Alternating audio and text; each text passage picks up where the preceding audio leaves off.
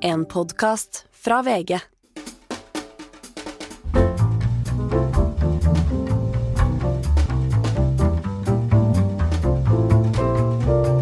Hei, her får du en smakebit av min samtale med Inga Strunke, som er ekspert på kunstig intelligens, forsker på dette på eh, NTNU i Trondheim. Eh, Vi snakker om kunstig intelligens. Er det farlig, er det ikke farlig? Eh, Hva betyr det egentlig, hva innebærer det? Veldig morsom samtale, syns jeg. Du var inne på venninna di som er lege og har doktorgrad i kunstig intelligens. Altså jobber som blir borte. At det er jo mest av advokater, vi journalister. Eh, I dag er, handler jo arbeidslivet for mange om selvrealisering. Vi spør ofte hva driver du med når vi møter nye mennesker. Må vi tenke annerledes på vei inn i et eh, samfunn som er mye mer preget av kunstig intelligens? Åh, det her er så spennende. Jeg er veldig glad for at jeg kan ha denne samtalen med deg. For jeg kjenner at jeg står på skrekkelig tynn is. Men ok, tenk på det, da. På 1800-tallet en plass så jobba hva 98% av oss i jordbruk.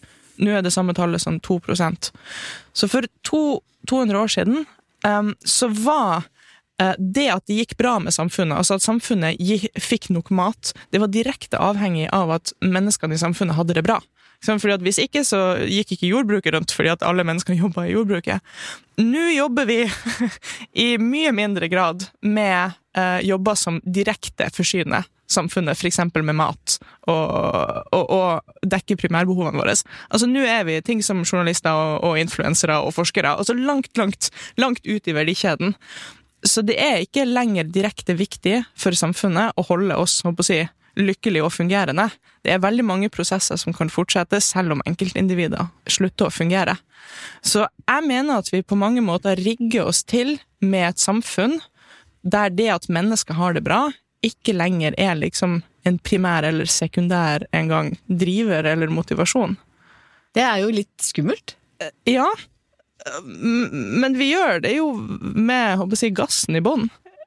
Ja, og dette blir jo mange omtaler dette som den fjerde industrielle revolusjon. Ja. Ikke sant? Hvor du hadde den første som gikk veldig dårlig, med vev og hvor folk mista jobben og hadde det fryktelig flere generasjoner. Og så hadde du den andre hvor liksom strømmen kom og teknologien på en annen måte, hvor det var det du kaller muliggjørende. Og den tredje også med hele IKT og alle disse tingene som begynte på 60-tallet, som også var det du kaller muliggjørende. ikke sant? At det gjorde faktisk verden bedre.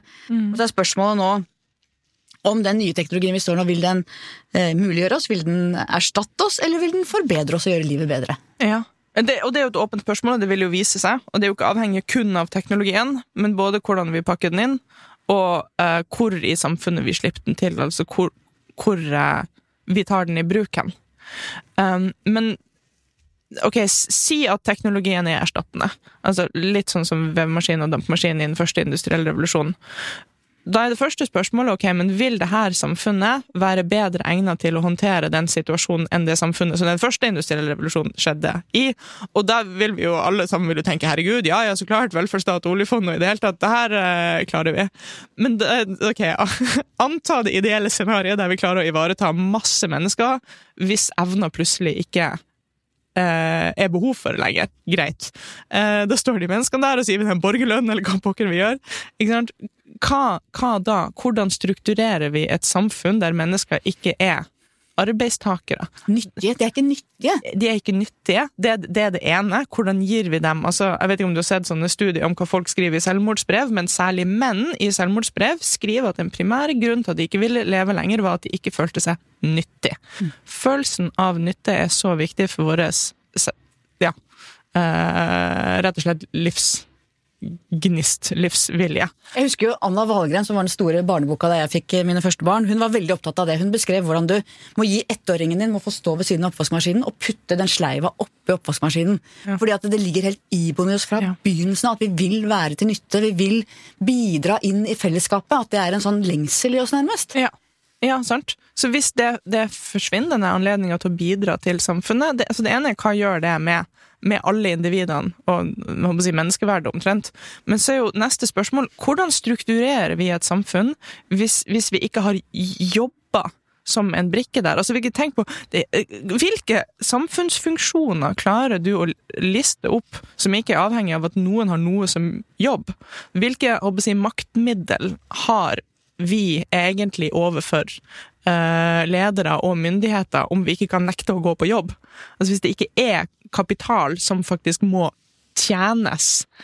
Hvordan, altså Jeg ser ikke hvordan vi skal strukturere en det hvis vi ikke har jobba lenger. Det er det samme som er et veldig viktig argument for å betale skatt, faktisk. At det at vi jobber og betaler skatt til de som styrer oss, det gjør at vi, de, vi holder dem i sjakk. Ja. At vi faktisk, de, det er som, I Saudi-Arabia så er det jo milde gaver til folket. De kan ikke stille noen krav til sine ledere. Mens vi jobber, betaler skatt, og dermed kan vi stille krav. Så det er noe av det samme. At du må ha en maktbalanse mellom de som blir styrt og de styrende. Og hvis man ikke hadde trengt eh, jobb for å tjene penger, og så igjen var nødt til å betale skatt, så hadde det ikke vært en maktbalanse. Da hadde vi kun utnevnt ledere, og så hadde de vært de eneste i samfunnet som hadde jobb, og så hadde de hatt en absolutt makt. Og, og det vi ser nå ved framveksten av de store selskapene, er jo at vi har fått en sånn winner takes all-økonomi. I hvert fall i USA, hvor du ser noen av de rikeste i verden nå, er de som har bygd opp en eller annen sånn eh, Enten det er Tesla eller Facebook eller hva det er. Og fordelingspolitikken i den nye verden det er ganske komplekst. Hvordan skal vi sørge for at det blir likhet, ikke fattigdom, ikke ensomhet, påfølgende radikalisering, sosial uro, protest? Ikke sant? Det er jo oppskriften på det. Ja. ja, det er helt krise. Ja, Spør du meg, så spør jeg deg. Altså, eh, herregud, de her tech-selskapene har jo budsjetter som er liksom på, på nivå med og større enn mange nasjoner sine budsjetter. Og de eh, altså Vi har aldri sett maken til det, så, så mye lobbyvirksomhet i Europa som det vi har fra tech-selskapene nå. Altså, går jo lobbyvirksomheten i petroleum og medisin og i det hele tatt en høy gang.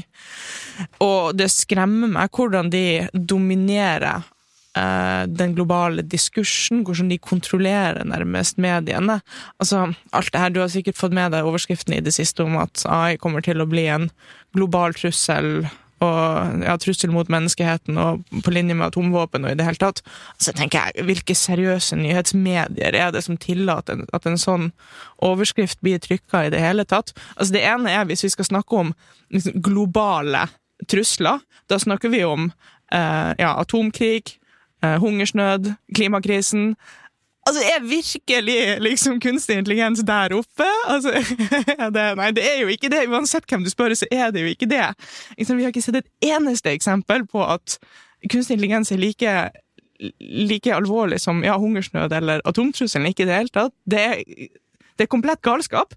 Så det at teknologiselskapene kan ringe New York Times og få den overskrifta til å skje, tenker jeg det er et symptom på noe eh, Men hva tror du er interessen til de selskapene som gjør det? Hva har de Jeg må innrømme at jeg blir veldig skremt når jeg ser de overskriftene. Da kan jeg berolige deg. De har jo lyst til å selge det her mediet. Fordi de er jo veldig kjappe også med å si at Og for at ikke det her skal utrydde menneskeheten, så må vi gå inn i samarbeid der vi skal sitte i en veldig sentral posisjon, gjerne i styret, og bestemme hvordan denne teknologien skal utvikles. Altså, det her er jo et politisk spill. Altså, ja. Du, du, det, det er lett å skremme folk til å stole på det, dessverre. Og de har jo enorm som du sier, enorm lobbykraft. ikke sant? De Ja. styrer Noen steder kan du si at de nesten styrer mer enn politiske ledere. Ja. Altså, hva, Ja. hva- skjer med demokratiet vårt i dette? Ja. Nei, er det et retorisk spørsmål? Jeg tror det går bra, jeg, da, til slutt. Ja, det har jo alltid stort sett gått bra. Eller jeg vet ikke. Hva er gå bra? Her har du fått en smakebit av min samtale med Inga Strumke. Hele episoden kan du høre på Podmy eller VG+. God helg!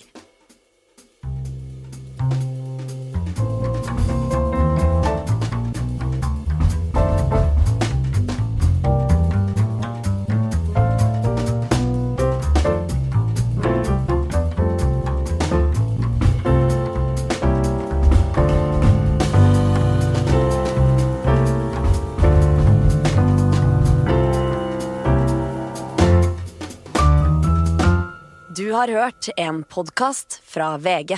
Ansvarlig redaktør, Gard Steiro.